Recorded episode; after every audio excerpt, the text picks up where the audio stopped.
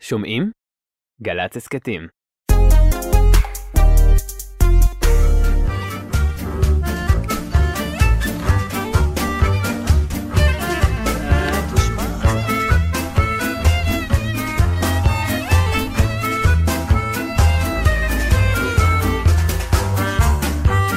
כן, זה האות שלנו.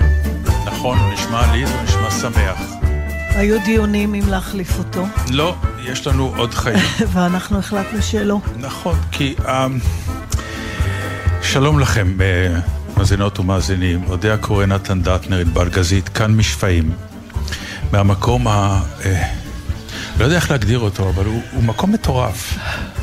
הוא מקום מטורף באנרגיה שלו, הוא מקום מטורף בנוכחים שלו, הוא מקום מטורף בסיטואציה שלו. אני אה, פעם ראשונה בחיים שלי מגיע לכזה מקום, אני אף פעם לא הייתי, את היית פה אתמול, אז אה, את כבר פחות בהלם אה, ממני, כן. מבחינת העוצמה של ה- של אולי רק המקום נאמר הזה. שלפה, למלון של קיבוץ שפיים, הופנו... אולי נשאל את אורלי, איך אתם מגדירים את עצמכם? מפוני כפר עזה? מישהו כתב לי...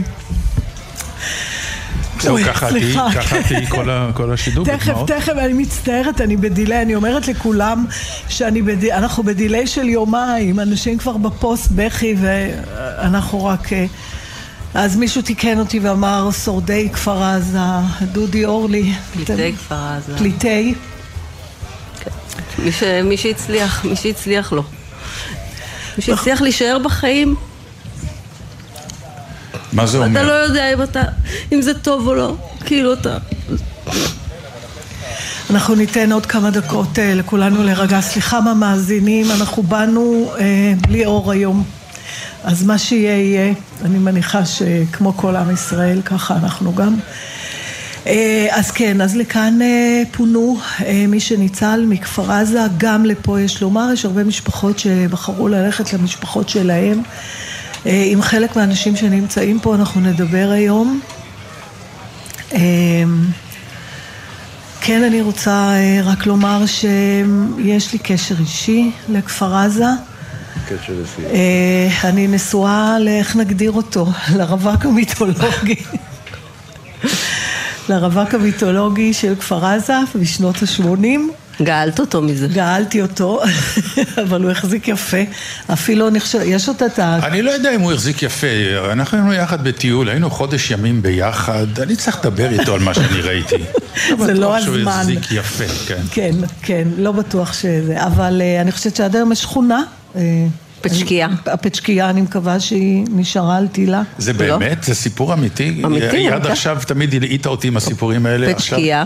כן, יש. דבר כזה? כן, כן. שלא היינו נדע. יושבים שם כן? וממנגלים, זוכרת? כן. כל הארוחות.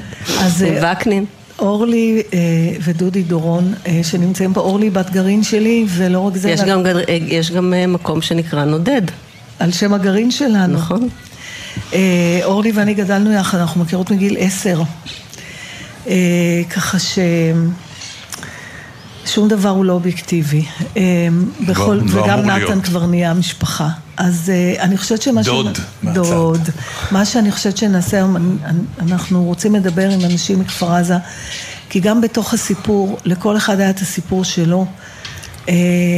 ואנחנו, מי שמוכן יהיה לשוחח איתנו פה, אני, אני ממש רוצה לעשות מיקרו-כירורגיה של, ה, של השעות הנוראיות האלה, כי אני חושבת שאחד האויבים הכי גדולים של הדבר הזה זה הכלליות. אז אה, אורלי ודודי הסכימו אה, לדבר איתי, איתנו, ויאללה, דברו. אז אתם בבית שלכם. אנחנו בבית שלנו, שש וחצי בבוקר, צבע אדום. קופצים מהמיטה. רגיל, כאילו. את רגיל, בקטנה, מה כן. זה שמים, אני ערומה, שמה את השמלה שלי ורצה, נותנת מכה לדלת, שוברת את היד ונכנסת. בסדר, נגמר צבע אדום, יוצאת. טלפון, אני בצחי, רווחה, טלפון ברוחלה. תמצאי מישהו שילך לחניתה אליקובט. מי יכול ללכת לחניתה? אני מסתכלת על הרשימה, מי הכי קרוב לחניתה שילך אליה. ואז עוד הודעה, יש שני ילדים סגורים בארון, ההורים שלהם נהרגו, תמצאו מי ילך אליהם. ואז אני רואה את דודי עם אקדח ביד, הוא אומר לי רוצי מהר לממ"ד, את לא הולכת לשום מקום, וגם אני לא הולך לשום מקום. דודי, ו... מה, מה גרם לך, כאילו ישר הבנת, ישר לקחת אקדח, מה... באזעקה שהייתה, כשקמתי, באזעקה שהייתה וקמתי, הסתכלתי מהחלון, שמעתי רעש מוזר, ואז ראיתי רחפן עם שתי רגליים, עם ארבע רגליים מתנדנדות, ממש בגובה, כמעט גובה הקרקע. חשבתי שזה, לקחתי את האקדח, לי מצויד באקדח, ורצתי לכיוון, חשבתי שזה שני מחבלים, שאנחנו יודעים להסתדר עם זה. וכשרצתי לכיוון ראיתי, אני לא יכול להגיד מספר מדויק, אני מעריך שבין 60-70 מחבלים במגרש הכדורגל הישן, עם איזה 30 מצנחים או אני לא יודע מה, לוחמי קומנדו, הבנתי שזה כבר לא מה שחשבנו שזה. רצתי חזרה הביתה, שלחתי הודעה לרבש"ץ שיש הרים את כיתת כוננות, וזהו, חיכינו בבית.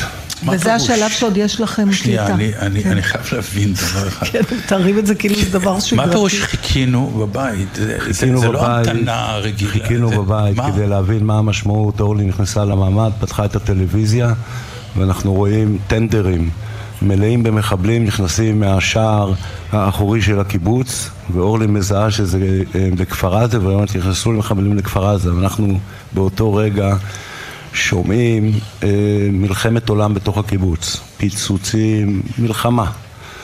אה, אתם לא נסגרים, אתם לא נגמרים, אתם לא יש קופאים על אה, המקום? באמת אה, מה- בעניין מה? הזה שתי אפשרויות. האפשרות שאנחנו בחרנו, אני בחרתי, זה שאורלי תיכנס לממ"ד, תיצמד לקיר הנכון, ואני אעמוד צמוד לקיר שיגן עליי ולראות מי בא. כי לא ידענו מה מי, וחשוב שמישהו בא, אז שנדע שבאים. יש לך ניסיון צבאי? אה, כן, קצת. ניסיון. כן, לא, אה, יש, יש לי ניסיון צבאי, אה, ו... אז וכך- הפעלת אותו בעצם. נכנסתי למוד... לבשת מדים אישית, נכנסתי כאילו. למוד של אה, חייל של חייל. בן אה, וואלה. 20, כן. וזהו, ואז אה, נצמדנו, נצמדתי באמת לקיר, הגיעו אה, בשעה תשע וחצי, אנחנו מדברים על מרבע לשבע עד תשע וחצי, אני נשאר לקיר, אורלי מקבלת הודעות, ברוכה בממ"ד. ואז אנחנו אני ל- שולחת הודעה לאלמוג בוקר, שהוא חבר, ואמרתי לו שמישהו יבוא לעזור, יש כאן מלא פצועים. הכתב שמישהו של ערוץ הכתב 13, של ערוץ כן. 13, שמישהו יבוא לעזור לנו, יש כאן המון פצועים, אף אחד לא בא, אף אחד לא בא. ובסביבות עשר וחצי נדם הטלפון שלי, לא הייתה לי סוללה, נגמרה הקליטה ולא היה לנו חשמל. ושלושים שעות היינו בפנים. מה פירוש 30 שעות? תני לי אנחנו תיאור של בתשע, הדבר הזה. מה פירוש 30 שעות להיות? בתשע, אתם לא, אתם לא טלוויזיה, אני לא יכול להראות לכם את הסרט כי יש לי מצלמה. אני בגיל המעבר קניתי אופנוע, אז שמתי מצלמה. משבר גיל הוא לא- whatever. ה-60. כן. שמתי מצלמה כדי לראות שזה במצלמה. שלא גונבים אה, לך את האופנוע. וס- איך הדאגה הזאת פתאום נראית? אני אה, חייב להגיד שגנבו הכל חוץ מאת האופנוע. אה, אז יש עוד אה, סרט של 20 שניות שרואים את מה שקורה, הגיעו שלושה מחבלים, אה, ואחריהם הגיע הטי- הטייל האחרון, הרביעי, אה, ונתנו, התחילו לבעוט בדלת, הדלת אני נעלתי, רק שכחתי את המפתח בחלק, בדלת, הם כנראה לא שמו לב, לא הצליחו לפרוץ את הדלת. אה, דלת הכניסה, לא דלת הממ"ד. את הדלת כניסה, אנחנו okay. עוד לא הגענו לממ"ד, אורלי בממ"ד ואני במסדרון, ושם יריתי. אה, זה לא הזיז להם כי הם היו עם אה, שכפ"צים, ואז יש לנו חלון שהוא מעל מטבח, שהוא גם חשוף אליי. אה, החלון הזה עשינו אותו בלגי לפני 30 שנה, וקנינו אה, זכוכיות מערבי בחברון ב-30 שק, ב-20 שקל, לדעתי, או 15 שקל. רצינו פרטים, אנחנו. מקבלים. הסתכלו דרך החלון, אז יריתי גם לשם. אני לא יודע אם פגעתי או לא, אחד מהם ראיתי שהוא קצת הולך אחורה, אבל אני לא בטוח שאני פגעתי. אבל בזכוכית פגעת. הזכוכיות האלה אה, ב-15 שקל מחברון היו עם חוטי ברזל בפנים. ואז הם אמרו, טוב, לא נתעסק, יש התנגדות, נזרוק רימון ונגמור את הסיפור. הם זרקו רימון, והברזלים הקטנים האלה, מהערבים מחברון, החזיר את הרימון אליהם. ואז אה, ראיתי ששלושה בורחים, אבל הם היו ארבעה. לא ידעתי, אולי אחד מחכה, אולי זה. ואז אה, אחרי איזה עשר דקות באמת אה, התקרבתי לשם וראיתי אחד שוכב, אני מבקש שזה יהיה לזכותי העניין הזה, אף על פי שזה מהרימון. תתחלק בקרדיט עם אותו ערבי מחברון. ואז לצערי, דרך החלון, ראיתי משפחה, את אגר ברודט, שהולכת עם שלושה ילדים ושני מחבלים שמלווים אותה לכיוון החניה. האוטו שלי. וכנראה, אנחנו לא יכולים כמובן להיות בטוחים כי זה היה מחוץ לתחום הראייה, האוטו של אורלי ממוכן בעזה ליד מסגד וחנות מכולת. זה סיכוי שלקחו אה, אותה לשם אה, יחד. ומאותו רגע הסתגרנו בממ"ד. אה, משהו כמו 12 בלילה, דפיקות נוראיות מכל הכיוונים ודפיקות אה, בחלון של הממ"ד. יש אומרים שזה היה צבא, אבל לא פתחנו כי לא שמענו אה, קריאות ברורות. וזהו, הייתה מלחמה מסביב מכל הכיוונים, ועומדים בממ"ד. הילדים שלכם לא... יש, יש לכם, מספר למאזינים שיש לכם חמישה ילדים, הם לא, במזל לא היו בקיבוץ. בחג הראשון כל השבע עשרה היו, ובחג השני ביקשנו שישחררו אותנו כדי להיות חופשיים, ולמזלנו היינו כאלה. אז קיבלתי ירח דבש. קיבלתי. 30 שעות. 30 שעות ירח דבש. 30 שעות, פתאום בעשר בערב, משהו כזה, היה קצת שקט, ואורלי ידועה כאלכוהוליסטית, אוהבת יין. בשעה עשר אומרת לה, תקשיב, אני חייבת אוויר ומשהו לאכול. עכשיו, כמו שאתה רואה אותה, לאכול זה לא הדבר זה לא ברירת מחדל, כן. ואז כמו שואיסטים, אנחנו אה, פותחים את הממ"ד, זוחלים כדי לראות שאין אף אחד בבית ושקט. ו- ולא היה, לא היה לנו לא קליטה ולא חשמל ולא מים.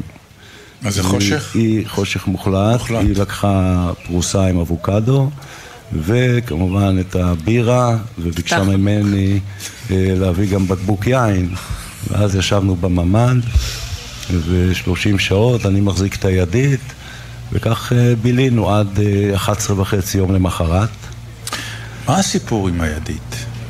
תראו, הידית בממ"ד, ממ"דים בנויים כך שהם לא בנויים למה שאנחנו עברנו, הם בנויים להפצצות. זאת אומרת, אם הבית נהרס ורוצים לחלץ אותנו, אז פיקוד העורף מגיע מהצד הנכון ויכול לפתוח את הדלת. מבחוץ. מבחוץ, מכל כיוון. Mm-hmm. אין נעילה לדלתות ממ"ד. למזלנו, הקבלן שבנה לנו את הממ"ד הוא היה קבלן איכותי, והסגירה והפתיחה של הדלת הייתה מאוד מאוד קשה. אה, הכל חורק ו- ונוגע בדבר בדבר, ולכן אה, באמת אני ממליץ על הקבלן הזה. זהו, ב-11 וחצי הגיעו הנשמות מדובדבן, עשו סריקה בבית, אמרו לנו לצאת. נכנסנו לג'יפ, ואז תוך כדי שאנחנו בתוך הג'יפ, אה, רוצח אחד אה, רץ מולנו לתוך הג'יפ, והשייטת שהיו שם, למזלנו, ירו בו ממש אה, לידינו. יש לנו שכנים אה, טובים וקשורים, אמרנו להם, בלעדיהם אתם לא יוצאים, אנחנו לא יוצאים, הם באמת חילצו אותם, משפחת וינר, חילצו אותם ו...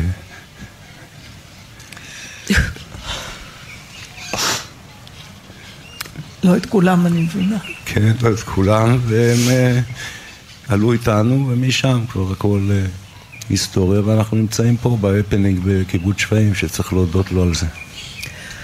אני יודעת שזה עוד... זה הסיפור בקצרה, 30 שעות. זה עוד ממש מוקדם לדבר על זה, אבל אני מבינה שזה כן עולה. אם חוזרים או לא. מה? אם חוזרים או לא. תראו, א' זה מוקדם, ב' צריך להתחיל לחשוב. אני, ראיינו אותי לאיזה תוכנית ב-BBC ואמרתי, אני חוזר לשם ביוק ובקוק, רק יש לי שני תנאים קטנים. אין עזה, אין כדור אחד בעזה, מחזירים את כל הכסף של הדתיים חזרה הביתה לממשלה ובונים עוטף עזה חדש. שווייץ. ומישהו שדואג שבעזה אין כדור אחד. אם זה לא יקרה, הקהילות לדעת מי, אני לא מדבר בשם אף אחד, לדעתי הקהילות מתפרקות. מה את מרגישה, אורלי? מה אני מרגישה? אני לא יודעת מה אני מרגישה, אני לא מרגישה, אני לא מרגישה, הכל ריק. גיסתי והבת שלה נהרגו. אני הבאתי אותה לכפר עזה אחרי שאח שלי נפטר. אח שלי עזב את דוגית כדי שנוכל לחיות כמו שצריך שמה. חטף אירוע מוחי. נדם ליבו. והבאתי את טובה לחיות לידי, שנוכל להיות קרובות אחת לשנייה. ומה עשיתי? למה לקחתי אותה לפה? למה לקחתי אותה לידי? למה חשבתי? איך אמרתי לאודיה תמיד? 90 אחוז גן עדן, 10 אחוז גיהנום. אז עם 10 אחוז גיהנום אפשר עוד להתמודד. ואני מאוד פעילה, ואני אוהבת את המקום, ואני אוהבת את העבודה שלי, ואני רוצה לבנות, ו... ו... ו... כבר יש יסודות להעמיד בכפר ויש לי מועדונית של אוטיסטים שהייתה צריכה להיפתח ביום ראשון כל כך רציתי, כל כך פינפנתי אותה, לא, אני לא מאמינה. עשרים שנה היא עובדת על המועדונית הזאת. עשרים שנה אני עובדת ואני רוצה והם כל כך מגיע להם לילדים האלה שיהיה להם בית ומקום עם מקום לנעליים ולמעילים שיכולה להיות ביחד ואיפה זה הלך? לאן זה הלך? לאן? לאן? כל כך אהבתי, כל בוקר קמתי לעבודה וכולם שואלים אותי למה את לא יוצאת לפנסיה כי אני לא רוצה, כי אני אוהבת, אני אוהבת את העבודה שלי, אני אוהבת את המקום שלי, אני אוהבת את הבית שלי, היה לי בית הכי מקסים. וואי. וטובה, טובה, טובה, והרן נשארו, שני ילדים נשארו ממשפחה של חמש. היא לא תזכס. הנכדה שלה, של עידו, איפה בגיל של רועי, לא, לא תזכה להכיר את סבתא שלה שבישלה כל כך טוב. היא הייתה המורה הכי נפלאה בשער הנגב, כל תלמיד שהיה מתקשה, היא תמיד הייתה שם לידו. אנחנו מדברים על טובה גורן. טובה גורן, טובה גורן, אין ילד בתיכון שלא מכיר אותה, אין ילד בתיכון שלא מכיר אותה. ספרי לנו מה, מה קורה פה בשפיים. אמ, בוחרים ובוכים ונפגשים ומחבקים. ונתן, רגע, אנחנו פה סליחה. מהאולפן ביפו, אני נאלץ לקטוע אתכם. מתחילה ההצהרה של לויד אסטין ויואב גלנט. תראה, אף פעם לא הייתה כזאת תמיכה. אף פעם. ומעבר לביטחון שזה נותן, זה גם קצת מעלה, ת- אני תמיד אמרתי לאודיה, כל השידורים שלנו, אודיה תמיד שואלת אותי, אני מבחינתה מומחה החדשות. אז אני תמיד מסביר לה מה קורה בארץ, מה קורה בעולם, והיא מאוד אבל נהנית הוא מזה. ממציא, אני יודעת שאתה לא, ממציא. ברור, אבל אבל- זו המצאה טובה, מה אכפת לי? ואת גם קונה את לא המצאות. נראה לי גם- שהוא ממציא, אני מאזין לכם באופן קבוע, הדברים נשמעים די טוב, אני חייב להגיד. נכון, אני מאוד מודה לך. אז הדבר הבא שאני רוצה לומר לך, אודיה, שתדעי, תמיד אמרתי לה שיש דברים שאנחנו לא יודעים, והחדשות מתנהלות על ה-level ה- החיצוני. יש המון דברים מלמטה שאנחנו לא יודעים. זה שהאמריקאים עושים את מה שהם עושים ואומרים את מה שהם אומרים, זה אומר שהמצב הוא לא רגיל בכלל. זה אומר שהסיפור שקרה לנו עכשיו מעורר ומדליק את המזרח התיכון ברמות שאנחנו לא הכרנו, כולל מעצמות גדולות מבחוץ, ואנחנו לא במלחמה מקומית. ואמריקה יודעת יותר, וכולם פה יודעים יותר ולא מדברים על זה לפי דעתי, ולכן משהו ב... ההודעות האלה אה, גם קצת מלחיץ אותי, אני מוכרח לומר. אמ, אני מנותקת מזה, אני מאוד אה, שר הפנים כרגע. אני מבינה מה אתה אומר, מבינה מה כולם אומרים, זה אכן נורא חשוב, אבל זה עובר לי מעל הראש. אני אה, יותר מדי אה, בתוך הפרטים הקטנים של האנשים. לא, זה לא שאני קשור, שומעת, כן. לא, אני לא אומרת שזה קשור, אני אומרת, אתה יודע, בסוף...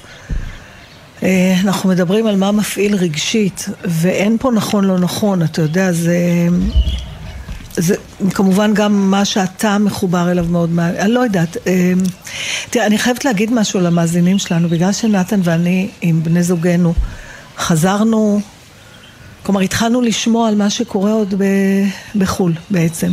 לקראת אה, סוף הטיול לקראת שלנו. סוף הטיול שלנו, ואז כבר כמובן למי יש ראש, ואז גם מנסים לחזור הביתה, ואז טיסות מתבטלות, ולא ניכנס יותר מדי, כי עוד מלא מלא אנשים במצב שלנו. וקיבלנו גם הודעות בנוסח של אה, אל תחזרו.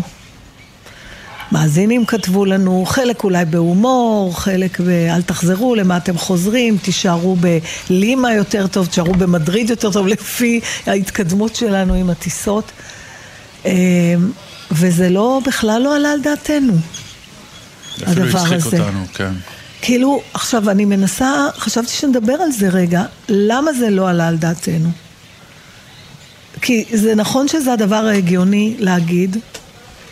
אתה יודע מה, אני אקח את המאזינים לרגע אחד. בשדה תעופה בלימה, אנחנו עומדים בתור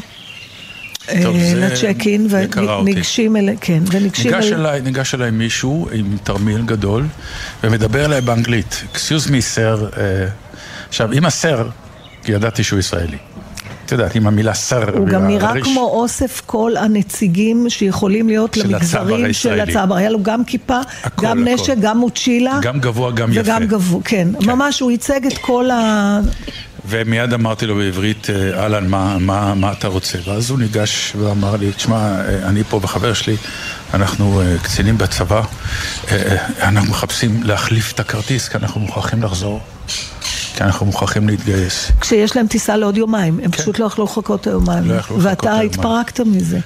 פתאום כל המצב בא לידי ביטוי, את יודעת, כמו שאמרת קודם, החיים בנויים מאירועים קטנים. באירוע הקטן הזה, אני הסתכלתי עליו, התחלתי לבכות כמו, טוב, לא חשוב. בקיצור, אה, זה, זה כל כך ריגש אותי, כי פתאום אתה נמצא בלימה, שזה באמת כל כך רחוק. אפילו בשביל גויים זה רחוק. גויים בכלל לא הם מגיעים כבר לשם. על הגויים של הגויים, בוודאי, בדיוק. הם, הם לא מגיעים לשם. ושאלתי אותו, תגיד, כמה זמן? אנחנו כבר שלוש שעות פה בשדה התעופה, ומנסים לחפש מישהו. עכשיו, אני לא יודע אם בכלל זה אפשרי להחליף כרטיסים, אני לא, לא יודע אם זה... אבל הם חבר'ה צעירים. טוב, אה, לא נעלה בואו אתכם נעשה יותר רגע מדי. איזה פאוזה, אנחנו נעבור ל... לפני זה, אני רק רוצה בבקשה אה, אה, לדבר- נכון. להזכיר אה, שמות של שני אנשים שהובאו למנוחות. אה, מובאים אבי, עכשיו. אה, אחד הובא בסריגים, אברהם אבי חננאל אינדי, זיכרונו לברכה, וממש ברגעים, תכף תתחיל הלווייתה של סיוון אלקבץ, זיכרונה לברכה, בתו של שמעון אלקבץ, אה, שהיה מפקד גלי צה"ל, מפקד שלנו, כן. שלנו. אה, חיבוק וניחומים. יהא זכרם ברוך, ואנחנו עוברים לדני. היי, היי. דני רובס כאן איתנו. מה תשאיר, דני? אני אשאיר פנים ושמות, זה קשה מנשוא הדבר הזה, פשוט קשה לשאת את זה. אני מכיר המון אנשים שיוצרים סביבם איזה סוג של אטימות כי פשוט אי אפשר להכיל את הדבר הזה ומוזיקה, אני חושב כמעט הדבר היחיד שמצליח לפרוץ את, ה, את החומה הזאת שאנשים בונים סביבם. אז זה שיר שנכתב בנסיבות מאוד אחרות והוא רחוק, הוא הפך בימים האחרונים למשהו אחר לגמרי, שרחוק ממה שהוא נכתב כמו ש... איפה שאנחנו נמצאים רחוק משבת שעברה.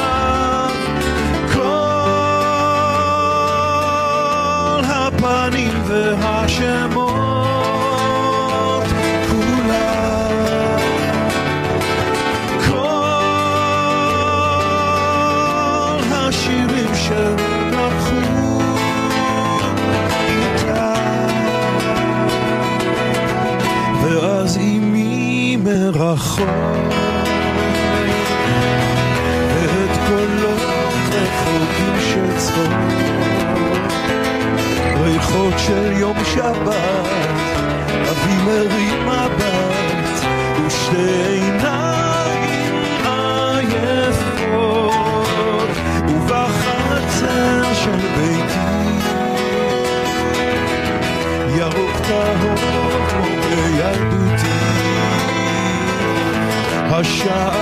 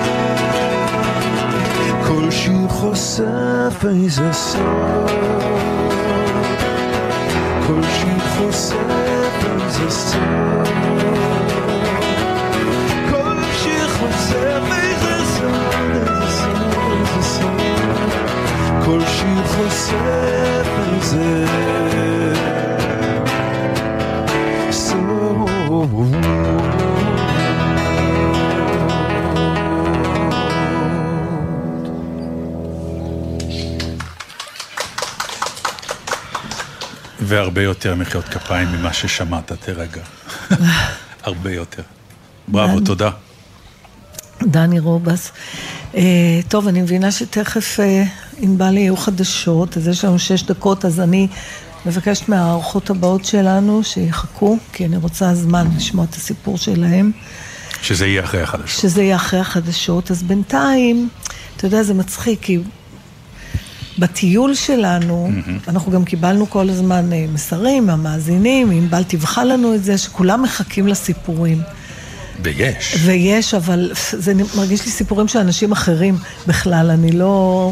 אבל אני כן מצאתי משהו שכתבתי, ואני חושבת שזה איכשהו מתחבר לזה. כשהיינו בקוסקו, בפרו, או קוסקו, כמו שאומרים הילידים, אה, אז עשינו סיבוב בעיר, כאילו, בערב. ואז אנחנו פתאום נכנסים לסמטה, ואנחנו מתחילים לראות שלטים בעברית. השלט הראשון שהיה על חנות היה כתוב סמטת המציקים. נכון. ואז אנחנו רואים עוד חנות, פה מציקים, שם מציקים, ועוד בעברית ועוד בעברית, כשהשיא היה אה, אבו אינקה. אבו אינקה, שזה חומוס, שאפילו אמרת אולי נאכל פה. אני רציתי? כן.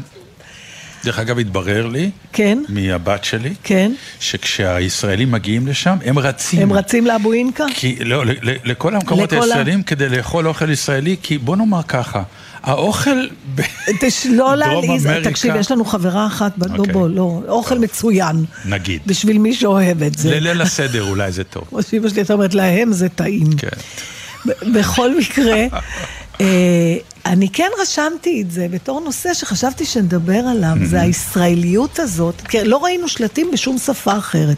עכשיו, קוסקו זה מקום שיש בו, הוא מאוד מתויר, מפני שהוא נקודת יציאה בין השאר גם למצ'ו פיצ'ו. אז באים לשם מכל העולם, וראינו אנשים מכל העולם, אבל לא היה שלטים באף שפה אחרת, זאת אומרת, ספרדית ועברית. והדבר הזה שישראלים תמיד מחפשים את הבית, שזה גם מסביר עכשיו את ההתגייסות הזאת ואת ה... מה זה, מה זה התכונה הזאת? למה כל הזמן ישראלים רוצים את הבית? למה הם לא... ובמקביל גם אה, אין להם שום בעיה לפנטז על כל מקום שישראלים מגיעים, אומרים, נורא יפה פה, אולי נגור פה. תקשיבי, אה, על גבול הקלישאה, אבל אין מקום יותר טוב מאשר פה, זה לא יעזור. המדינה הזאת היא, עם, למרות האנשים שמושלים בה, העם הזה, המדינה הזאת, הנתינה, הערבות ההדדית, עם כל המריבות והכל, אין לה תחליף בשום מקום. בשום מקום. והדבר הזה תמיד מקבל אה, פוקוס, בעיקר כשאתה נמצא בחו"ל. אתה פתאום מתחיל להבין כמה חסרה הצפיפות הזאת, זה שכל אחד מכיר מישהו, משהו, ולכן הטרגדיה שקרתה עכשיו היא לא טרגדיה מקומית, היא באמת כל אחד, כל אחד מכיר מישהו שמכיר מישהו. זה, זה, זה, זה כל כך אישי. אתה יכול להבין אנשים, זאת אומרת, יש הרבה, היו הרבה דיבורים, יש הרבה דיבורים, וזה לא חדש, זה גם לפני 30 ו-40 שנה, שלפעמים זה חונק. זה חונק. שרוצים, נכון. די, אומרים די, בשביל זה אני אנחנו רוצה... נוסעים לחו"ל. בשביל זה אנחנו נוסעים נו, לחו"ל כדי ואז- להיפרד, אבל כמו כל... ואז אה, רצים לחפש את, את המקומות של ה... הרי תמיד אומרים... אה, שלנו. שמתי אתה מעריך משהו כשהוא לא קיים. נכון? אז אנחנו נוסעים לחו"ל כדי לקחת אוויר, ופתאום... ואז מחפשים את החומוס. אה, מחפשים את החומוס. אני באמת אני לא רציתי את חושבת שיש הפלאפל. עם כזה. אני רציתי את הפלאפל, באמת. לא נתתם לי. לא. דרקס חולר. לא. כי אמרנו, כמו שאתה... כן, בוא כן נאכל מקומי, בוא אתה נאכל מקומי. אלא אם כן אתה מתחייב לאכול. אמפנדה בארץ. לא, אי אפשר לתאר את הדבר הזה. בוא נאכל מקומי. אוכל נוראי, מה אכפת לי שהוא מקומי? טוב, זהו, הלכה עוד ידידה. בסדר. זהו, אוקיי, תודה בסדר. רבה, נתן דטנר. באמת. אז זהו. טוב, אז- מה, ענבל, מה, יש לנו עוד משהו, זמן? משהו בגעגוע הזה. אה, מחזיר אני עדיין אותנו. חושבת שזה משונה מאוד. אוי, זה לא, זה. לא משונה, זה בסדר גמור. לא אמרתי שלא בסדר, הוא. אמרתי משונה. אני מאוד גאה בזה, אני מוכרח לומר. ושוב, הדמעות שחנקו אותי ברגע שהבחור אמר, אנחנו מוכרחים להגיע לישראל, פתאום כל הישראליות יצאה לי. פתאום הבנתי מי זה העם שלי, מה זה העם שלי, יותר מזה, יותר מזה, הכי הרבה, ממרום גילי, שהדור הצעיר, שתמיד נהגנו כבר להגיד עליו, "אה, אה", וואו. ואין לך צער על זה שמה שהיה הוא שיהיה, שכל הזמן אנשים צעירים רוצים לחזור לארץ, כי... איזה כי צער. יש מלחמה? לא, לא, אני לא מדבר על המלחמה, אני מדבר על הנכונות הזאת. כן. במקום לבוא ולהגיד, שערו שם, זה נשמע לנו פשוט אידיוטי. לא, אי אפשר היה. לשש. רוצים הביתה, זה היה. המשפט שאמרנו. עד כאן. טוב, עד כאן שעה ראשונה, אה, תישארו איתנו אחרי החדשות, אנחנו נשוחח עם בתיה ורותם הולין בסיפורה הלא יאומן. תודה רבה, מה אני אגיד ישראל. לכם? רק תמסרו לא, בבקשה תשמע. ממני לא. לדני רובס שהביצוע שלו היה מרגש מאוד של השיר. אומרים שאנשי חדשות, רובס? אומרים שאנשי חדשות לא לא בוכים, אבל היה לי גוש בגרון אה, כששמעתי את הביצוע הזה. אה, כל- אנחנו בוכים כל הזמן וצוחקים ביחד, זה הזמן של זה עכשיו. כן, אבל אה, תראו מה זה המזרח התיכון כמו המזרח התיכון. אתה אמרת דונט, אז אני אירה, אני אראה לך. זה, זה, זה, זה... איך? מה, לא, רגע, פספסתי אותך? לפני שנייה, עוד כן. פעם, אמר האמריקאי, אל תתערבו, דונט, כן. אל תעשו כלום. ואז הם אמרו, ככה, אז אנחנו עכשיו נראה לך. זה משחק מטורף, מטומטם, באמת, אבל הוא קיים, זה המזרח אני התיכון. רוצה להגיד לך, פתאום אתה אומר משחק, יש לי פתאום פלשבק פסיכי. כשהייתי נערה, אז היה לנו יומן בבית ספר, אני לא יודעת אם לבנים היה, אבל היה יומן. אה, גם של תאריכים, כאילו בעיקר יומן של תאריכים, אבל גם היינו רושמות בו, רושמים בו כל מיני אה, ציטוטים ומציירים כל מיני ציורים ומדבקות וניירות של קרמבו, וכל התיאורים האלה מסגירים את הגיל שלי, אבל הדור שלי יודע. איך השטחנו ניירות של קרמבו, עשינו אותם חלקים. נכון, יש לי עדיין את היומן הזה, כן. אה, והיה שם ציטוט, שאני זוכרת אותו עד היום, שאמר שבמלחמה, מלחמה היא משחק קוביות בין שליטים, בהם הגברים נזרקים כקוביות והנשים משלמות את ההפסדים. וזה היה בשנות ה-70. אז אה, לכן אני תמיד אומר, הגיע הזמן שאנשים ישלטו בעולם. אני לא צוחק, זה לא בציניות. די. הגברים, הבנו את אז אם כבר הפואנטה? מדברים על נשים, אז אני רוצה לפנות לשתי אורחות שלנו, רק רוצה משהו להקדים ולומר. תראו, אה, סיפרתי בתחילת התוכנית שיש לי היסטוריה עם כפר עזה, אני הגעתי לפה עם אה, גרעין הנחל, פה גם הכרתי את הבעל שלי, ומאחר ולקח 11 שנים עד ש... מה שנקרא, הדג והציפור אוהבים, אבל איפה הם יגורו, כמו שאומר טוביה. אה, אז הייתי באה כל סוף שבוע לקיבוץ, מה שבעצם השלים את מניין שנותיי בקהילת כפר עזה היקרים למשהו כמו 15 שנה, וגם אחר כך עוד המשכנו לבוא לבקר די הרבה, מפני שרוב חברינו נשארו שם. אה, ואחר כך כבר לא, אה, פחות באנו, אפילו...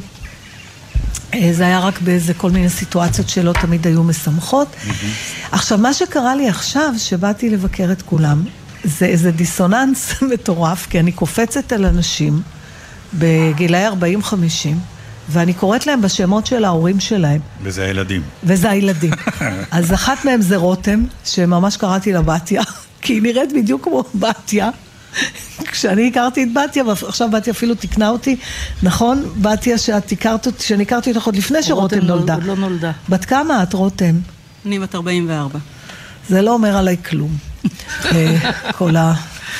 זה את הפלת עצמך, אני ישבתי פה נכון, אבל זה בשקט, גמור. חיכיתי לא, שזה יקרה, זה פסיכי. עכשיו, אתה רואה שהן דומות, אז אתה יכול לדמיין כן. שרותם נראתה כמו...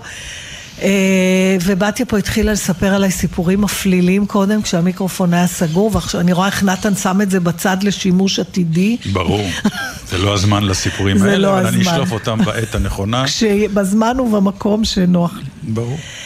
אה, אז בתיה ורותם היקרים, אנחנו אה, רצינו לשמוע חוויות, ש... חוויות, אני לא יודעת אפילו באיזה מילה להשתמש. מילה לא נכונה. הרגעים... מה קרה לכם? מה קרה אצלכם? אה, תרגישו חופשי, כל אחת לספר את הזווית שלה.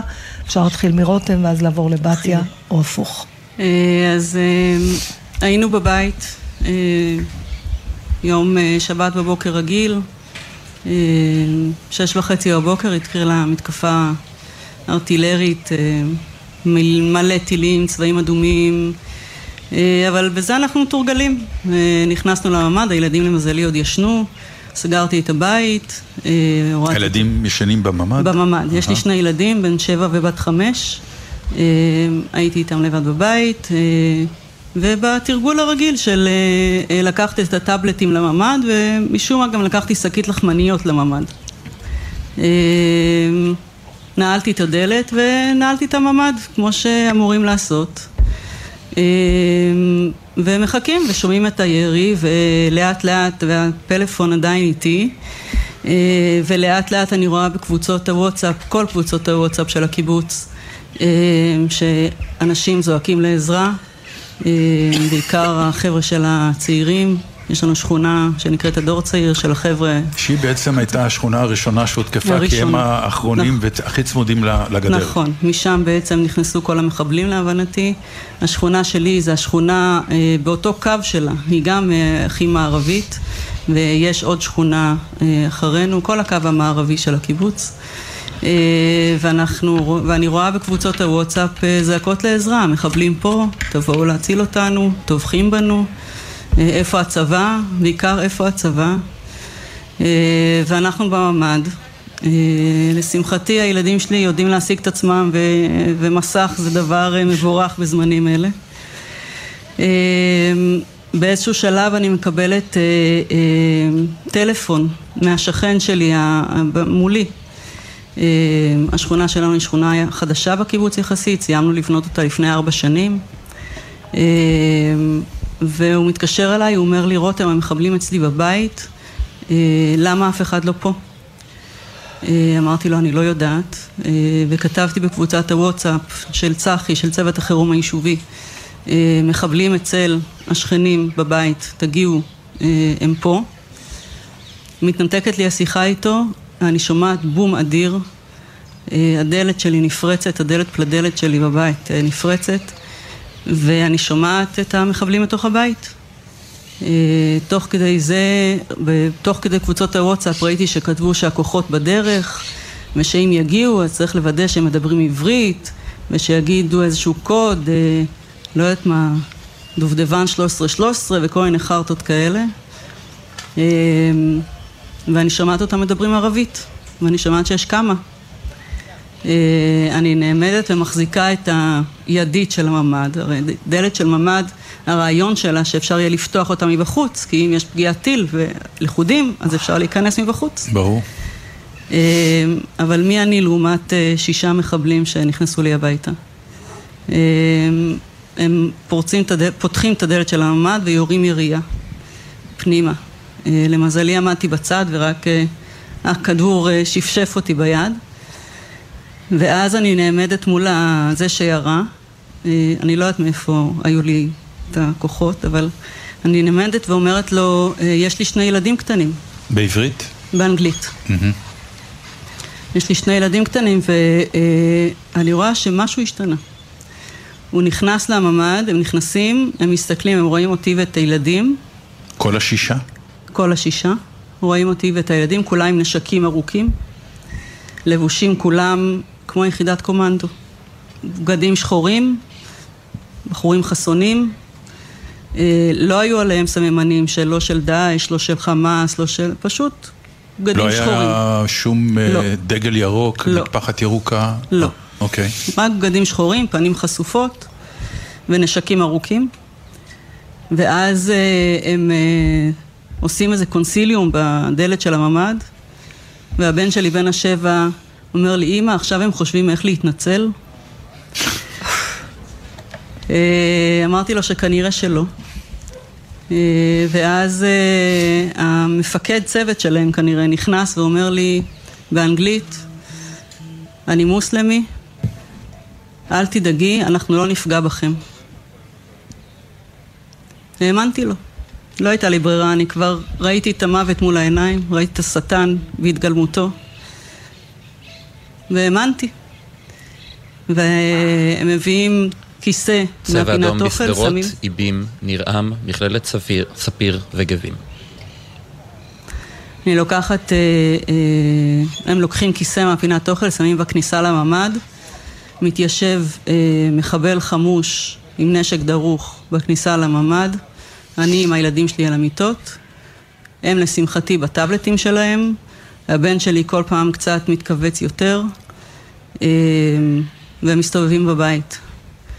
אה, לוקחים לי את הטלפון, אה, והמחבל מבקש ממני לפתוח לו את הטלפון. אז אני פותחת לו עם הטביעת אצבע. אז הוא אומר לי, לא, תעשי את הקוד. ואני משחקת אותה שאני מתרגשת, ואני, ואני מה אומרת, אני פירוש לא... משחקת אותה? את לא מתרגשת וארוסה? אני אגיד לך מה, אני הייתי קרה. אני לא יודעת איך להסביר את זה, אבל פשוט ראיתי את המוות. ואמרת, ראיתי את "זהו". אמרתי, זה הגורל שלי. ועכשיו אני אתנהג... ואני אעשה הכי טוב שלי, כנראה. כי ממה שהכי פחדתי, מה שהכי פחדתי שיקרה קרה. הם אצלי בממ"ד, נכנסו. ועכשיו כל מה שנותר לי זה לנסות uh, לשרוד את הסיטואציה. ואני עושה כאילו אני לא מצליחה מההתרגשות uh, לפתוח, ואז הוא נותן לבן שלי את הטלפון, והוא פותח לו את הטלפון עם הקוד. והם יושבים והם אה, אה, מחטטים לי בבית, ואני שומעת את ההרס תוך כדי ירי מטורף מתוך הבית ומחוץ לבית, ורעשים נוראים. מה הם חיפשו בבית? למה הם... אז זהו, אז הם מצאו, הם חי- מצאו את המפתחות של האוטו. אה. ואז אה, הם באים ואומרים, ביקשו ממני, אה, הוא עושה לי עם הידיים תנועה של הגה ואומר לי סיירה, סיירה. מביא להם את המפתחות של האוטו ולוקח אותי לכניסה לבית, שאני אצביע לו איפה האוטו נמצא. אני יוצאת, אני מראה לו כיוון כללי, לא זכרתי בדיוק איפה האוטו שלי חונה, ו... ואני חוזרת לתת לו את הקוד של האוטו. כי אמרתי שאני לא רוצה שהוא יחשוב שאני עובדת עליו באיזושהי צורה. כמה, כמה שרשור של מחשבות של... ממש. אני חוזרת, אני אה, מחפשת עט לתת לו את הקוד של האוטו, אני מוצאת ציור של הבן שלי שהוא צייר עוגת יום הולדת שהוא רוצה שאני אכין לו ל- לגיל שבע ועל זה אני כותבת את הקוד של האוטו ואז הוא רואה על השיש את הבננות אז הוא שואל אותי, אני יכול אחת? הוא שואל אותך? כן. נפלת על מס- הוא שואל מישהו אותי, אני? אני יכול אחת? היית צריכה להגיד לו לא. כן, זה הזמן, ממש, זה כן. הזמן באמת, לא, סליחה, בננה עולה כמה, תיגע, 20 כן. שקל. קילו. יש גבול, תקנה בעזה. בדיוק. קח את. האוטו, אל תיגע זה נורא בבננות. יקר, בדיוק. איך אני רואה אותך אומר את זה. ברור. ו- ואז אני חוזרת אה, לממ"ד עם הילדים שלי. ותוך כדי אני רואה שיש אה, שלושה מחבלים שיושבים בסלון, המגירת חטיפים של הילדים שלי פתוחה, ויש מישהו בשירותים, בשירותים? כן, הם גם היו צריכים שירותים, בכל זאת. אה, לא, זה סיפור שאי אפשר להאמין שהוא. קרה. לא, לא נתתי לו פרטים לפני בכוונה, כי בדיוק רציתי לראות איך הגבות שלך מגיעות לעורף. כן, אני נכנסת זה כבר לממ"ד, לא הגבות מה שבעורף. אה, אני כמובן כל הזמן עם הילדים שלי. אה, הבת שלי, יש לה יכולת מופלאה להתכנס במסך ולהתנתק מהסביבה. כמה היא? היא בת חמש. יואו. והבן שלי כנראה מבין שהוא צריך להיות אסוף, ו... ו... והוא אומר לי, אמא, הם הורסים לנו את הבית. לא מפריע לך שהם הורסים לנו את הבית? אמרתי לו, לא, ירדני, אנחנו פה, אנחנו ביחד, יהיה בסדר, אנחנו... מה שיהרוס אנחנו נבנה מחדש. אז הוא שואל אותי, אמא, אבל את יודעת לבנות בית? אמרתי לו, אנחנו נסתדר, נמצא, נמצא את הדרך. אנחנו פה וזה מה שחשוב. וכל הזמן המחבלים מתחלפים אצלי בחדר, כל פעם יש מישהו אחר כנראה שצריך לשירותים או צריך לאכול או כאלה. אה, הם מוצאים את התעודת מילואים שלי. אה, אני רב סרן בדימוס, מה שנקרא. אני כבר שבע שנים לא במילואים, אבל עשיתי מילואים עד גיל, תקופה מאוחרת, עד צוק איתן, אחרי צוק איתן. אה, מוצאים את התעודת מילואים שלי, ומישהו אחר מביא לי את התעודה, אחד שלא כל כך דיבר אנגלית. והוא מצביע לי על התעודה ואומר לי, הוא מראה לי את האקדח שלו ואומר לי תביא את הנשק. אני אומרת לו אין לי נשק. ואז הוא, הוא לא מאמין לי, הוא אומר, מצביע לי לתעודת מילואים הוא אומר, והוא אומר לי תביא את הנשק. אמרתי לו אין לי נשק. תחפשו בכל הבית, אין לי נשק. הם חיפשו בכל הבית אה, ולא מצאו את הנשק, כי אין לי נשק. אה, ואז הם מוצאים אה, תמונה על המקרר, תמונה משפחתית, יחד עם האבא של הילדים שלי, אנחנו בהורות משותפת, הוא גם גר בקיבוץ, אה, ולשמחתנו, קור הבא, הוא לא היה בקיבוץ ביום שישי הזה. הוא התכוון להגיע ביום שבת בבוקר לעפיפוניאדה שהייתה צריכה להיות, עם אמא שלו. והוא שואל אותי איפה הוא, ואני אומרת לו, הוא לא פה. איפה הוא? אמרתי לו, הוא לא פה, הוא בבית חולים, הוא באמת היה בבית חולים אה, מאושפז. אה, אמרתי לו, בתל אביב. והוא האמין לי. ואז אחד אחר בא ושואל אותי באנגלית, איפה החיילים? רציתי להגיד לו שגם אני שואלת איפה החיילים. איפה החיילים? אמרתי גם לו, הם היו בשוק דרך אגב. הם היו בשוק, הם הם היו לא. האמינו, הם לא האמינו להסתובב שאין ככה, חיילים. כן. שאין חיילים. כן. איפה החיילים? הוא שאל אותי כמה פעמים. אני אומרת לו, אני פה, אני לא יודעת איפה החיילים. ואחרי כשעתיים שהם מסתובבים ועושים מה שהם צריכים ו- ומתארחים, ותוך כדי קרב, באמת, קרבות ירי מסיביים, והם לא משתתפים בקרבות, הם אצלך בפנים? יש גם קרבות מתוך הבית. הם יורים החוצה. כן. את מבינה שיש עוד הרבה בחוץ? או- כן. בוודאי. כן. כן. כן. אני אומרת, גם תוך כדי, ה... כשהיה לי עוד את הטלפון, אז גם ראיתי בקבוצות הוואטסאפ את כל ההתכתבויות. אה, וגם אה, ההורים שלי היו בביתם בממ"ד, יש לי אח בביתו בממ"ד, אה, ועשינו אה, כל פעם בדיקת קשר כזאת, אה, מה קורה, מה קורה, איפה אתם, הכל בסדר, לראות שכולם בסדר. וברגע שלקחו לי את הטלפון, נעלמתי. לכולם. אה, ובתיה, אחרי- רגע, אני שנייה אחת רוצה לעבור לבתיה בנקודה הזאת. אתם באיזשהו שלב מאבדים קשר עם רותם. מה נכון. עובר לכם בראש?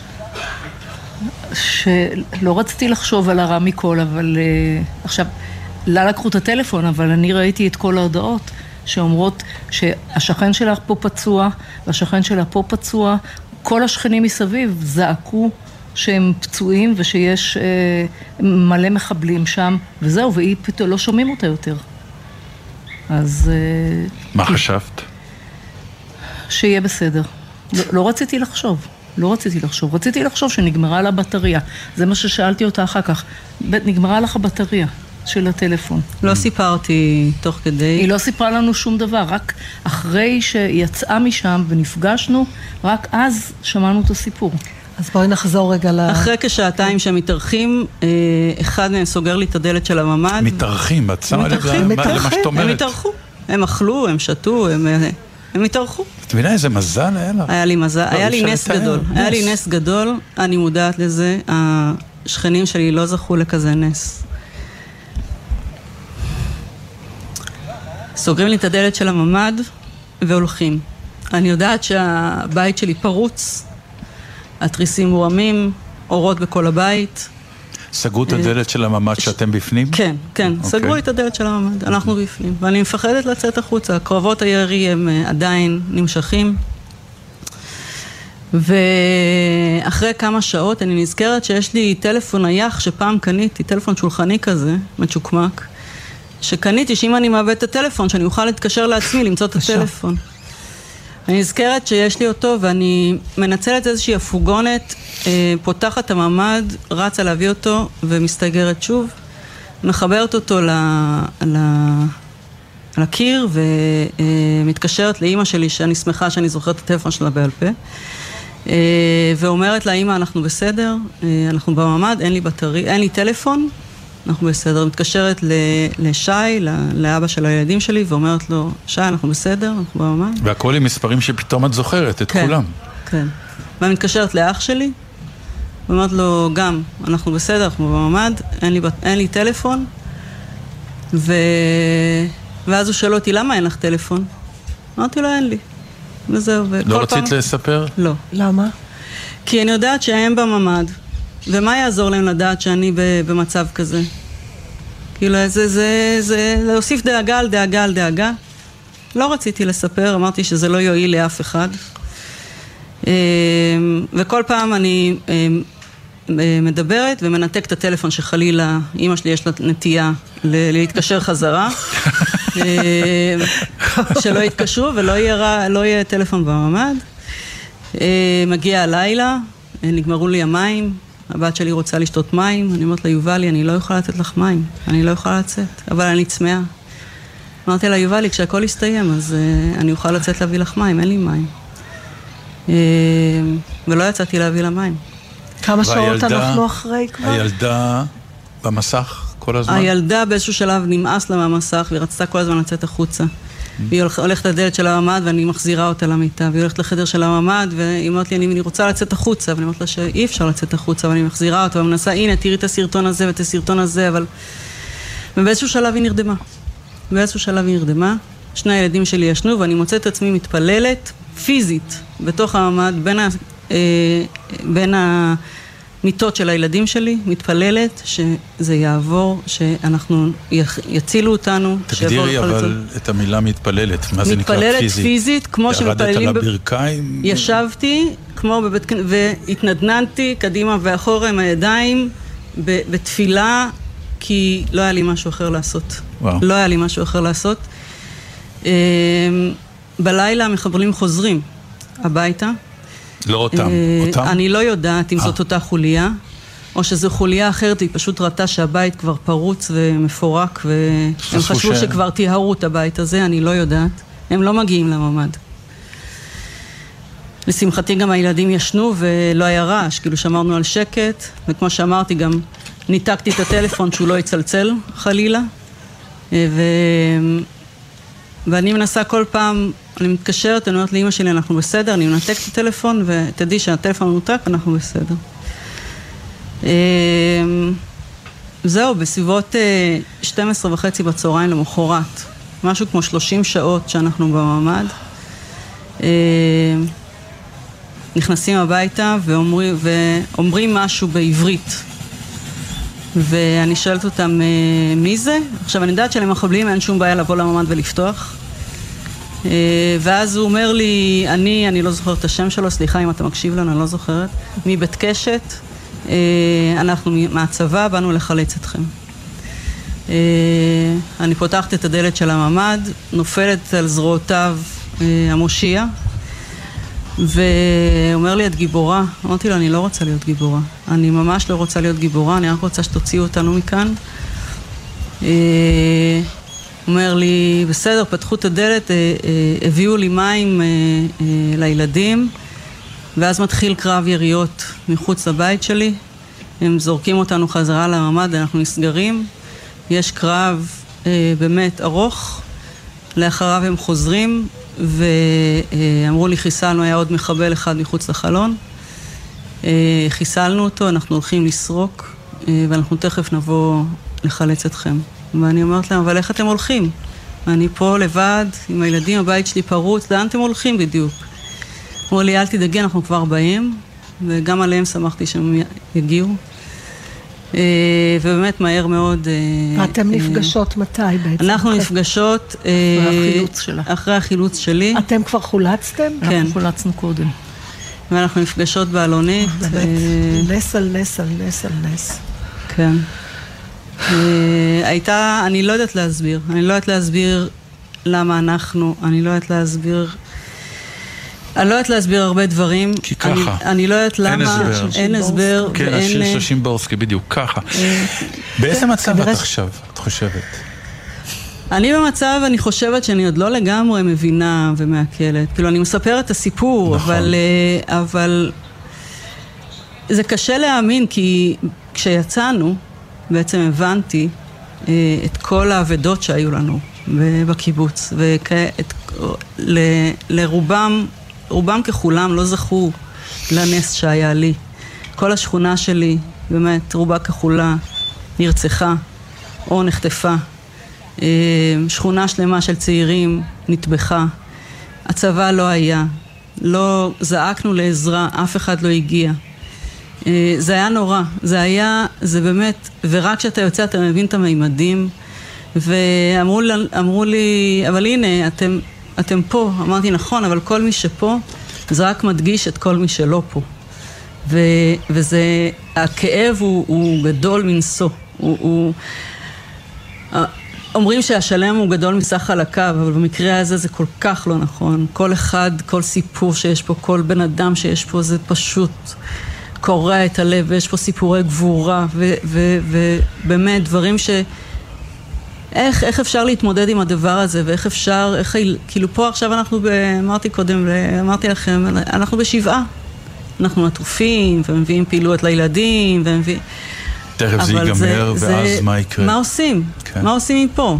לאן, אין לנו לאן לחזור. העניין זה- הזה של... שאנחנו לא, אתה ואני לא חיים בקהילה, במובן שהם חיים. נכון. נכון שיש, אין מה לעשות, ישראל, ישראלים הם תמיד חלק מאיזושהי קהילה, אבל במובן, במקרה הזה של הקיבוצים והמושבים, זה באמת אה, כמו, זה משפחה עם מלא מלא אנשים. אה, ובעצם שמה שרותם מתארת פה זה ה... זה לא נגמר רק ב... זה לא המקרה הטרגי. בטראומה האישית שלך. כן. זה כמו, משפחה זה שלמה. גוף אורגני, שיש לו המון איברים. ולכן כל איבר שנפגע הוא חלק מהגוף הזה, שמעצים עוד יותר את ה... יש גם רגשי אשמה? לא. אין רגשי אשמה, אני, אני חושבת ש... תמיד שאלו אותי למה, איך את חיה בכפר עזה? עכשיו אני גד... נולדתי וגדלתי בכפר עזה, אה, וזה המקום הכי מקסים בעולם. ו... אז נכון, אז יש את ה... אה, אורלי ודודי אמרו קודם 90% גן עדן, 10% גיהנום, אז אנחנו ב-95% גן עדן ו-5% גיהנום, אבל לטילים אנחנו רגילים, וכאילו זה מוזר להגיד את זה, כן, אבל... אה, אה, ואנחנו יודעים להתמודד, ואז, ואם יש סבב אז יוצאים וחוזרים, ותחושת הביטחון היא גבוהה, כי יש כיפת ברזל ויש צבא, והרגשנו בטוחים, ויש מכשול, ואנחנו יודעים ששומרים עלינו, שאנחנו בטוחים, וזה הבית שלנו, זה הבית שלנו, הבית שלי מאז ומעולם. שם הילדים שלי נולדו, החברים שלי, החברים של הילדים שלי, ההורים שלי, האחים שלי, זה כאילו... לא חשבתי לגור במקום אחר. וגרתי אה, משהו כמו עשר שנים מחוץ לקיבוץ, אחרי שהייתי סטודנטית וקצת תל אביב וזה, וכאילו, והיה לי ברור שכשאני אקים משפחה ואני, יהיה לי ילדים, זה יהיה בכפר עזה, זה לא יהיה במקום אחר, בטח לא בתל אביב ולא ב... והיום אני אומרת, כאילו, איך, איך, כאילו, איך הופקרנו, איך, איך, איך בגלל דברים שהם לא רלוונטיים לכלום, אף אחד לא שמר עלינו ברגע האמת, לא היה אף אחד שיציל אותנו, זה היה שואה, שואה במובן הכי הכי גרוע של המילה שואה וטבח, ובאמת, אי, אפשר, אנחנו עוד לא יכולים לעכל בכלל את גודל האסון. את יודעת, אמרת, הזכרת את uh, כיפת ברזל, אני אגיד עכשיו משהו פסיכי.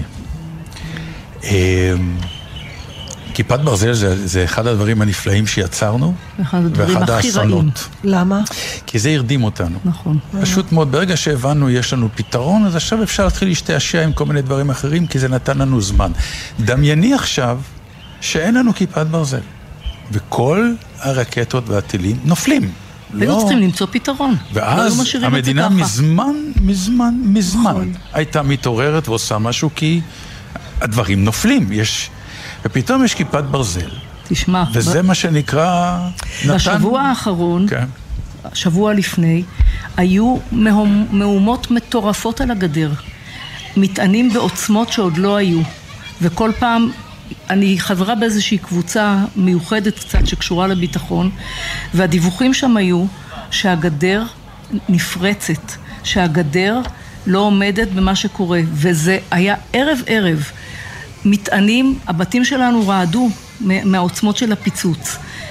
והתגובות שקיבלנו מראשי המדינה זה שאנחנו שומרים את זה במרחב הגדר, התושבים לא נפגעים. לי איפשהו היה ברור שמשהו יקרה. הגדר נפרצת כל ערב, ולא מתקנים אותה, כי אין זמן ולא מספיקים. זה בדיוק היה ההכנה כן, לאירוע הזה. לגמרי. זה היה בדיוק ההכנה. לא הקשיבו לכם שנים. שנים? שנים. תראה, מי לא שנתן לכם. לנו להיות 22 שנים תחת מלחמה ולהגדיר כל אה, טיל שנופל עלינו כטפטוף, אה, הוא פשוט פושע, וזאת התוצאה. טוב, רותם ובתיה אולין, אה, תודה שדיברתם איתנו, ואנחנו כמובן אה, מדברים עם אנשים, תושבי כפר עזה במקרה הזה, אנחנו לא אה, מייצגים שום אה, דעות אה, רשמיות ותגובות רשמיות, זה כמובן מה שאנשים מרגישים, וזה מה שרצינו, אה, זאת הבמה שרצינו לתת בתוכנית הזאת, ככה ש... אבל אין צורך בתגובות רשמיות. מקרה. כן, להקשיב בטוח, רק אני רק רוצה הזמן. להבהיר שאנחנו לא אה, מנהלים פה שום דיון. אה, הסיפורים הקטנים ומחכים. שהיו, בדיוק, זה אה, מה שרצינו, את הרגעים אה, האלה. מטורפים. אחד הסיפורים הקטנים שהיה זה שאני הצלתי משפחה כי יש לי אוטו עם מצלמה שמצילם את כל מה שקורה בחוץ. יש לנו אוטו חדש שעומד מול השכונה. ופתחתי את המצלמה, הסתכלתי מה קורה מסביב, וביום שבת, חמש אחרי הצהריים, גיליתי שלושה מחבלים הולכים לכיוון הבית של משפחת גוטמן. תגידי שמות, בלי שמות. בלי שמות.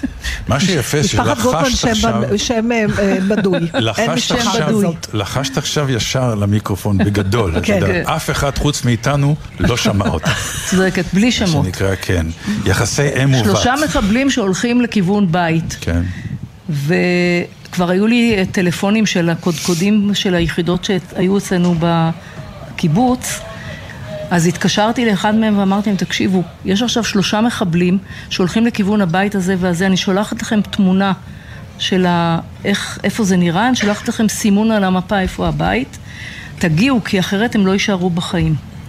וזהו, לא ידעתי מה קרה.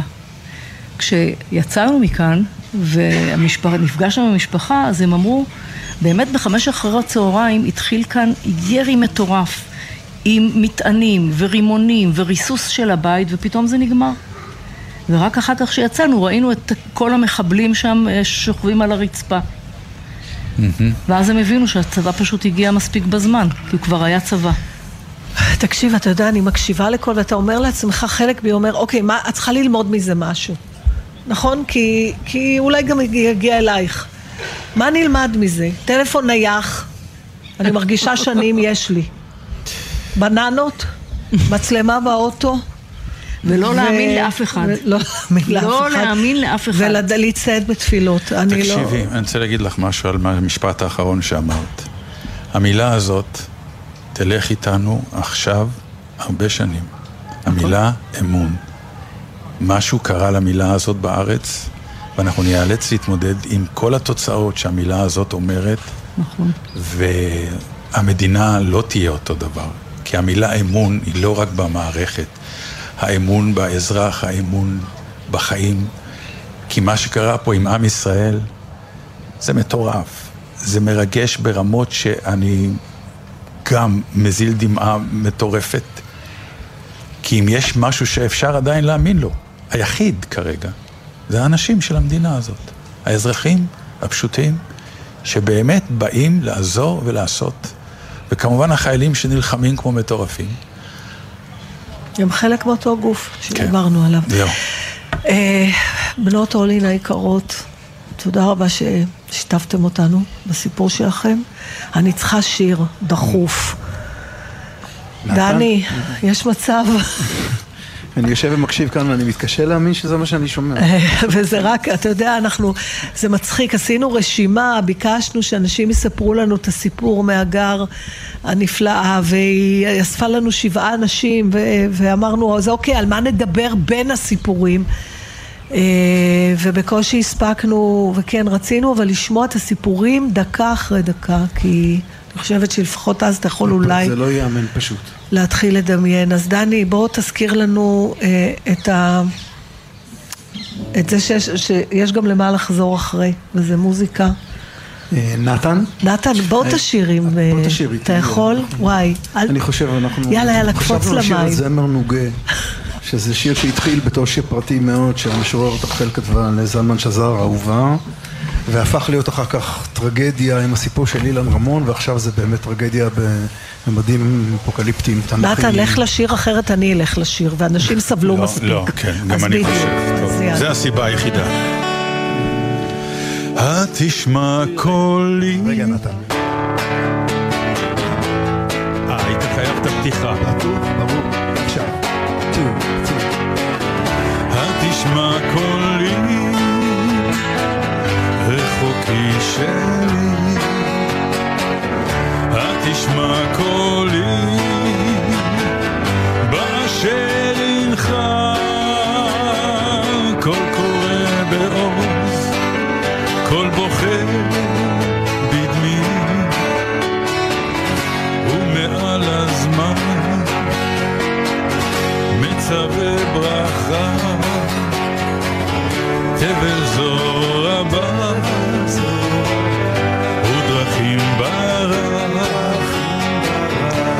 נפגשות לדעת, נפרדות לעם, מבקש אדם, אך כושלות רגליו. לא יוכל למצוא את אשר עבר. אחרון ימיו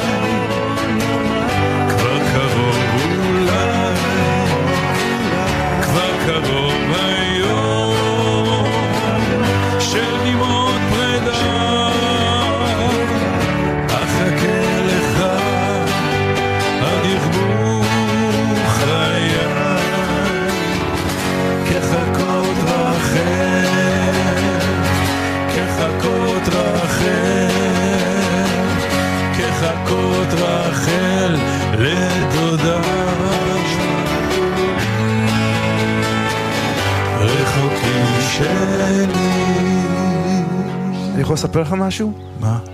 כמה שעות לפני שהתחיל האירוע בדרום בשבת, היינו הילדים שלי ואני במופע של תזמורת המהפכה של שירי התרנגולים. מופע מופלא. מופלא. ויש בו רגע שבו אה, אמיר לקנר, המוזיזם הנפלא, עשה משאפ בין שני שירים, בין אה, אליפלת ובין יוסי ילד שלי מוצלח. ברור. ושני, אליפלת, הילד התמוי שכולם צוחקים עליו, והוא מציל בסופו של דבר את כולם, ויוסי גם הילד שמסתכל אחרת על העולם, ובשלב מסוים בתוך השיר אליפלת, בדיוק כשהוא מציל ושוכב שם ליד התל פצוע, נכנסת השורה, אמא מחכה בבית. אמא מחכה בבית. כן. איפה יוסי, יוסי? את כן, תשאירי. והחיבור הזה, החיבור היה רציטטיב כזה. של כן, כן. תמימות, של תמימות ושל אובדן, הוא, הוא, אני חושב שאיבדנו הרבה מהתמימות שלנו וייקח הרבה הרבה זמן להחזיר אותה, כמו שאמרת מקודם. כן. דני, תספר לנו בבקשה מי מנגן איתך כל כך יפה. אה, עמית יורגנסון מנגן- מנגן בגיטרה ושר קולות, אורי ויינשטוק מנגן בקלידים, חבריי האהובים שהתגייסו מיד ברגע שקראנו להם, ומוזיקה שבדרך כלל משמשת כנחמה, משמשת עכשיו כסוג של מפלט כזה, כאילו איזו סיכה שמאפשרת להוציא החוצה את הרגשות, אני חושב, זה מה שצריך לעשות בימים האלה, מוזיקה זו שפת אלוהים. ללא ספק. טוב, עכשיו אנחנו רוצים לדבר עם דורון. דורון, סלמון או סולומון? אני כבר משנות ה-80 כל פעם תוהה. אה, מרק. איך? מרק. מרק? אה, זה השם המקורי של אבא שלי בעצם, אבל בתעודת הזהות אני באמת סלומון. סלומון. זה סיפור מעניין בפני עצמו, אז דורון, אה, התור הגיע לסיפור שלך. כן. שש וחצי בבוקר. מהומת אלוהים, מהכל רועש, הכל רוגש. אה, אני אה, הולך את זוגתי כי היא כבר לא כל כך שומעת והיא בלי מכשירים בלילה. ואני מעיר אותה ואני אומר לה יאללה לממ"ד. וצבע אדום ופתאום הילדים מתחילים לצלצל ואחרי זה הודעות. ופתאום כל הקיבוץ מתחיל הודעות ו... ואני סוגר את הממ"ד, יד על הדלת, כי מסתבר שלעומת מה שהקודמים שלי סיפרו, אני יודע שהממ"ד לא יכול להיפתח מבחוץ, אבל בוואטסאפ אה, הקיבוצים מדברים שהוא כן נפתח מבחוץ. אז אני נועל את הממ"ד עם דלת אחת וביד שנייה סכין, סכין קצבים שלי. ו... זה על סכין ה- שיש לך כל הזמן בממ"ד? לא, לא, לא. אז איפה? אני... כשהבנת מה קורה, לא, לקחת סכין? כשהבנתי מה קורה, לקחתי סכין. כי אין לך נשק. לקחתי את הסכין, הסכין שף שלי הגדולה, שאני חותך בשר, לא, אין לתאר, תוסיף את זה. לבננות ולטלפון הנייח. כן, נכון. ואת הפטיש של השניצלים. של השניצלים. ברור. וככה אני פותח את הבוקר. כי צריך להכין בשר לצהריים, יש עוד מעט ארוחת צהריים. ואני בדרך כלל סבא מאוד אה, אבו דיאט כזה, סבא גיבור. כל פעם שיש משהו אז הנכדים והילדים, בוא תעזור פה, תיקח פה, תעשה זה, תעשה זה, ואני כבר המון שנים בחירום, מתעסק גם בצח"י וגם אה, בצוות החירום אה, האזורי, ומאוד מגויס כזה, אני כל הזמן בהולד כזה, חירומי אינסופי, כל חיי, גם, ב, גם בימים טובים. ואז מישהו אה, פורץ? ואז אה, מישהו יורה לי בדלת ומנסה לפרוץ. לשמחתי בדיעבד אני יודע שהוא לא הצליח כי יש לי אה, פלדלת ובפלדלת יש גם שתי זכוכיות ובין הזכוכיות יש סורג והוא נכנע, ניסה להכניס את היד והוא כנראה נפצע כי, כי יש דם על, ה, על הזכוכית. ו... טוב, אנחנו בממ"ד, ופתאום הנכדים כותבים לי, סבא, סבא, בוא מהר, המחבלים אצלנו, בוא תציל אותנו, כי כרגיל הם רגילים כשאני בא להציל. ואני לא יכול לבוא, ואני לא יכול לעשות שום דבר. וככה נוקפות השעות, ואז מסתבר לי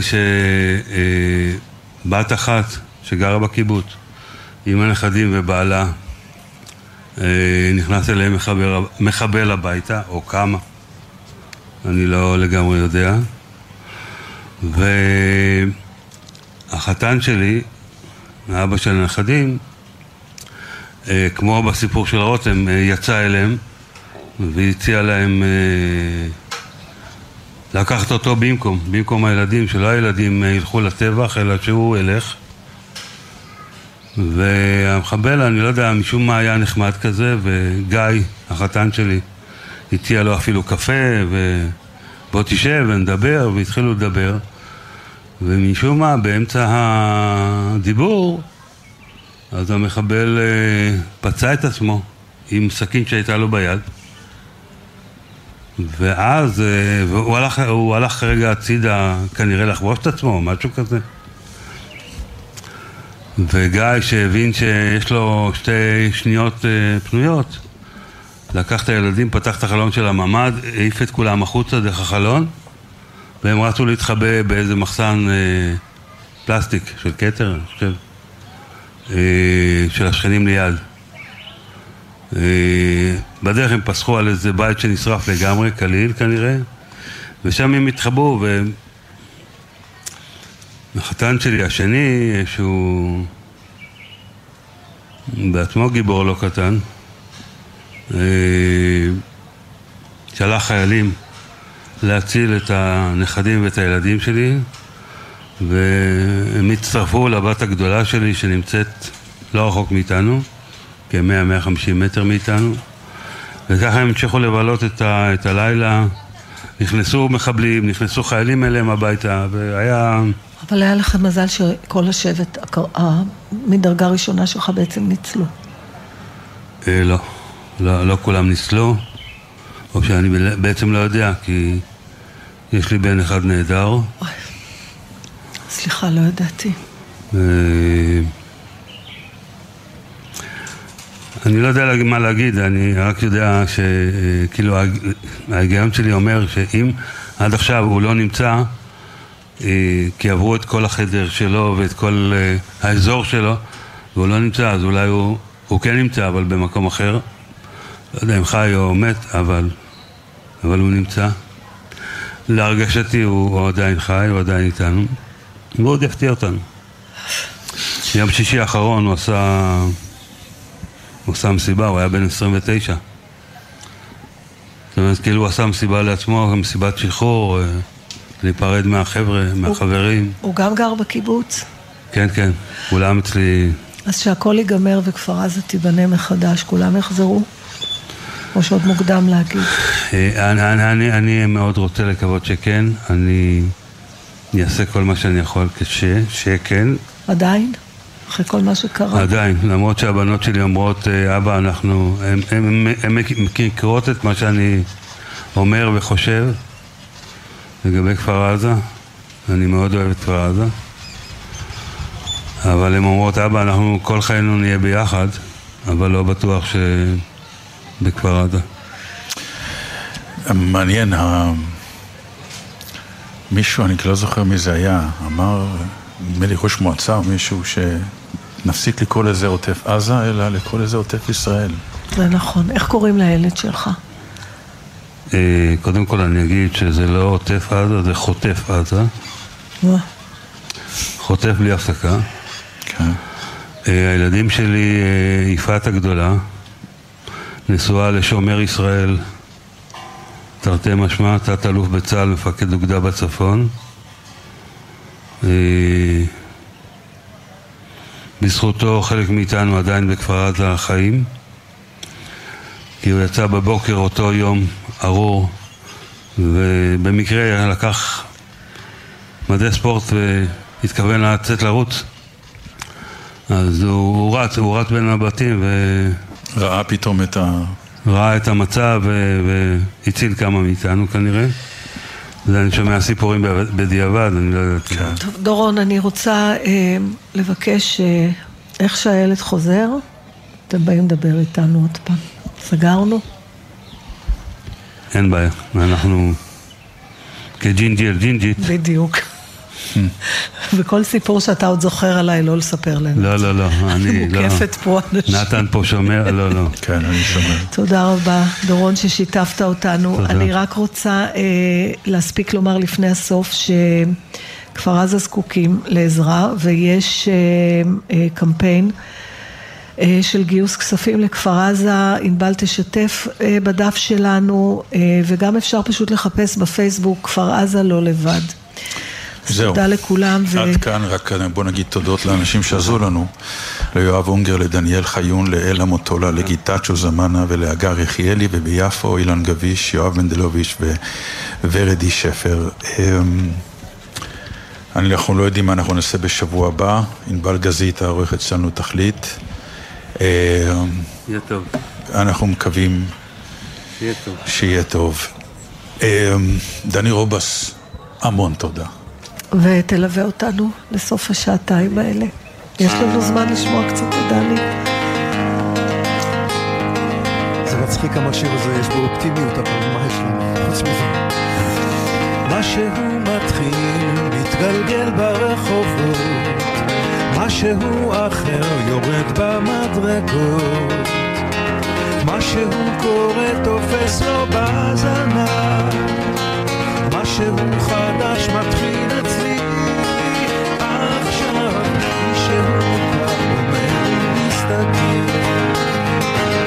צנם חורום של אוכל. כמה רעשים הופכים כבר למקצת